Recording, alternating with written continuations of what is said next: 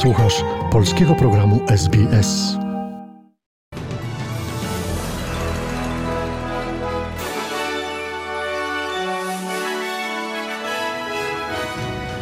Dzień dobry, przy mikrofonie Joanna Borkowska-Srucić. Witam Państwa we wtorek, 7 czerwca i zapraszam na skrót przeglądu najważniejszych wydarzeń. Rodzina Nadeslingam Maragampam wraca do domu w Biloela. Ulga w opłatach dla kierowców z Nowej Południowej Walii. Premier Boris Johnson zostaje na stanowisku szefa partii konserwatywnej, a tym samym premiera Wielkiej Brytanii. W Parlamencie Europejskim w Strasburgu dyskusja na temat Krajowego Planu Odbudowy dla Polski. A oto szczegóły. Rodzina Nadesalingam, znana również jako rodzina Maragapam, wyjeżdża dziś z Perth do Biloeli, aby 12 czerwca obchodzić piąte urodziny Tarni. Priya Nadesalingam przeczyta krótkie podziękowanie mieszkańcom Perth, zanim wyruszy do Biloela na czas festiwalu Flourish. Prawie 600 tysięcy osób podpisało petycję wspierającą rodzinę Nadesalingam. Do australijskich polityków skierowano ponad 53 tysiące telefonów i maili. Partia Pracy obiecała że rodzina będzie mogła wrócić do domu, jeśli wygrają wybory. A działacze nurtu Home to Bilo uważają, że kwestia ta wpłynęła na głosowanie w centralnym Queensland. Kierowcy z Sydney, obłożeni rosnącymi opłatami drogowymi, otrzymają pewną ulgę w nadchodzącym budżecie stanowym przed nowymi podwyżkami cen w przyszłym miesiącu. 40% rabat będzie dostępny dla użytkowników dróg płatnych, uwzględniając firmy handlowe, którzy wydają na opłaty powyżej 375 dolarów rocznie do maksymalnej kwoty 750 dolarów. Premier Dominik Perottaj mówi, że jest to najbardziej znaczące wsparcie w historii stanu. Jest to najbardziej znaczące wsparcie, jeśli chodzi o ulgi w opłatach dla rodzin w historii stanu. Mieliśmy poprzednie rządy Partii Pracy, które mówiły o cashbacku, ale tym razem jest to wsparcie dla wszystkich rodzin. Nie dyskryminujemy. Program zwrotu gotówki, będący częścią budżetu na 21 czerwca, zastąpi program dający kierowcom dotowaną lub bezpłatną rejestrację pojazdów w zależności od ich rocznych wydatków na opłaty drogowe. Chociaż ten program zakończy się 1 lipca, kierowcy mogą nadal korzystać w tym roku, bazując na poprzednim roku finansowym. Minister skarbu Matt Keane powiedział, że z nowego rabatu skorzysta dodatkowo 300 tysięcy kierowców. Istniejący system rejestracji kosztował 520 milionów dolarów w ciągu dwóch lat. Premier Boris Johnson zostaje na stanowisku szefa partii konserwatywnej, a tym samym premiera Wielkiej Brytanii. Wygrał wewnątrzpartyjne głosowanie w sprawie wotum nieufności, ale rozmiary buntu są większe niż liczyło otoczenie premiera.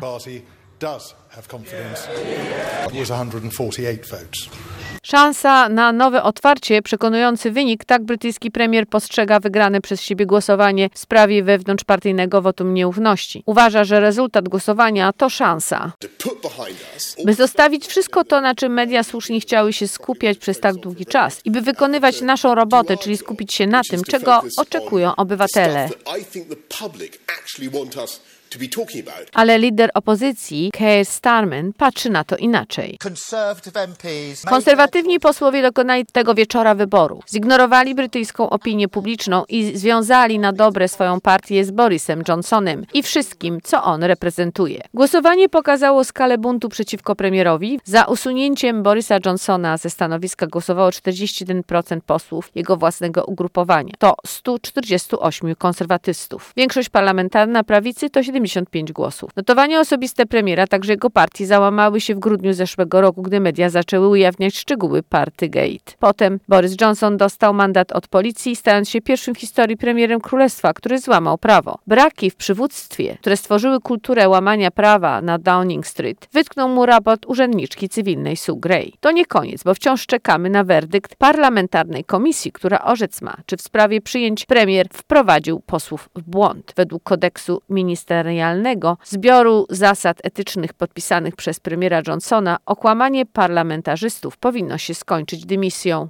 Prezydent Ukrainy Wołodymyr Zeleński powiedział, że ukraińskie wojska wciąż walczą w Sewerodniecku z rosyjskimi napastnikami. Podczas swojego rodzinnego wystąpienia prezydent Ukrainy podkreślił, że Donbas się nie poddaje.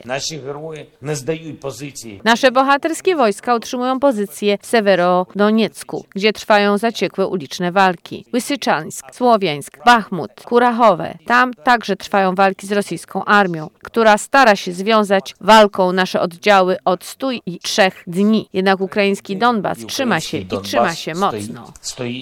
Prezydent Ukrainy Wołodymyr Zeleński nagrodził też 42 dziennikarzy za osobistą odwagę i bezinteresowne działania podczas relacjonowania wojny w tym kraju. Dziesięciu przedstawicieli mediów otrzymało wyróżnienia pośmiertnie. Dziś na Ukrainie jest obchodzony Dzień Dziennikarza.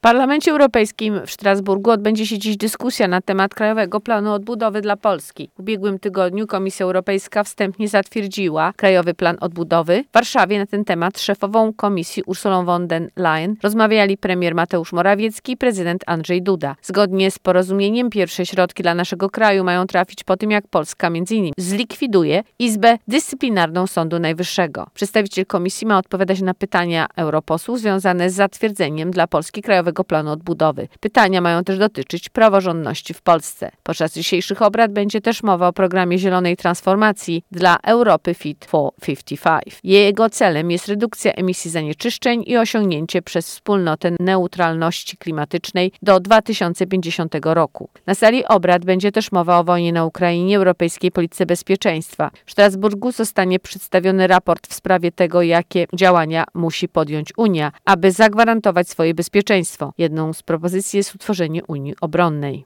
Na Stadionie Narodowym w Warszawie rozpocznie się drugi dzień kongresu Wychowanie trwa wiecznie. Celem wydarzenia organizowanego przez Biuro Rzecznika Praw Dziecka, Fundację Życie i Kolegium Jagiellońskie jest podejmowanie debaty na temat rodziny w kontekście zachodzących przemian cywilizacyjnych. Jak powiedział, otwierając kongres Rzecznik Praw Dziecka Mikołaj Pawlak, rodzina jest nieustającym źródłem szczęścia. To jedna z podstawowych wartości i możemy tutaj mnożyć przepisy, konstytucje, konwencje, ale rodzina jest źródłem dobra, mówił Rzecznik Praw Dziecka. Wiceminister Rodziny i Polityki Społecznej Barbara Socha dodała, że dyskusja na temat wagi rodziny jest potrzebna, bo nie wszędzie są takie wzorce jak w Polsce. Honorowy patronat nad wydarzeniem objął prezydent Andrzej Duda. I jeszcze wiadomość walutowa. Według ostatnich notowań dolar australijski jest wymienialny na 72 centy amerykańskie i 3 zł i 8 groszy. Skrót najważniejszych wydarzeń przygotowała Joanna Borkowska-Surucić.